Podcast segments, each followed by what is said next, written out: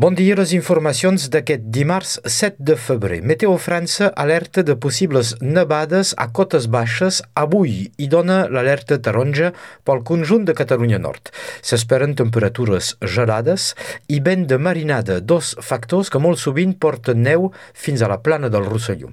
Les previsions indiquen que avui podria nevar 10 centímetres a partir de 200 metres d'altitud i fins a 40 centímetres per damunt dels 1.000 metres. La llevantada portarà portarà pluja, que serà benvinguda. El vent d'est bufarà fins a 80 km per hora. A Catalunya Sud també s'ha activat per avui el pla Neucat. Moltes pertorbacions avui, dia de la tercera manifestació en contra de la reforma de la jubilació.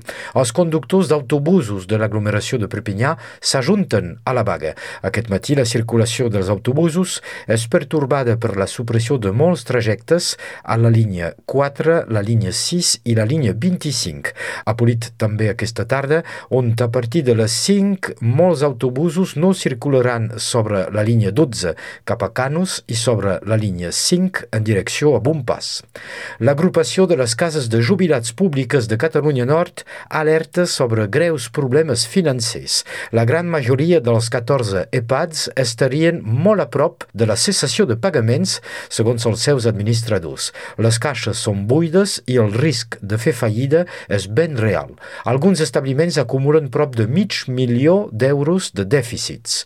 Els administradors de les cases de jubilats expliquen aquesta situació per la inflació, que ha multiplicat la factura energètica per 5, i sobretot pel fet que l'estat francès els hagi imposat una revalorització salarial del personal sense els atorgar els diners per assumir aquesta despesa.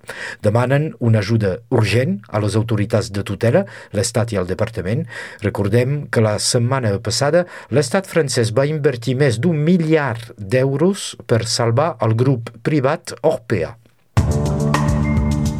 A Catalunya Sud el preu del lloguer es dispara i supera 16 euros per metre quadrat de mitjana. És un nou record històric amb una pujada del lloguer del 2,4% en apenes 3 mesos. La pujada no només ha afectat la capital, Barcelona, sinó també Lleida i Palma de Mallorca amb un augment del 4%. Actualment, el lloguer d'un pis a Barcelona frega els 20 euros per metre quadrat, cosa que tensa encara més al mercat del pis compartit. A Barcelona el lloguer per habitació s'eleva fins a 575 euros, va pujar de 150 euros en només un any. Catalunya vol que Nova York li torni una escultura robada a Lleida. Es tracta del jacent del sepulcre gòtic del segle XIV del comte Ermengol Nou d'Urgell, un noble que va morir sent noll. Una obra capdalt en la història de l'art català que es troba avui als Estats Units. Una campanya a les xarxes reclama que el Metropolitan Museum retorni l'escultura medieval robada als anys 60 a Lleida.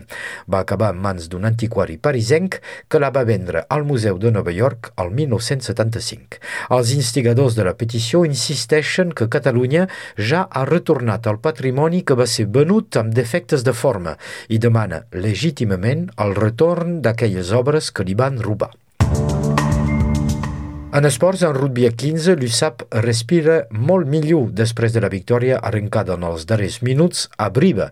El club de Perpinyà negocia actualment la renovació del contracte de dos jugadors importants, el mig de melé català format a Seret, Sadek Degmasha, i el centre argentí de la Fuente, el segon capità de l'equip, que a 31 anys continuarà l'aventura amb l'USAP.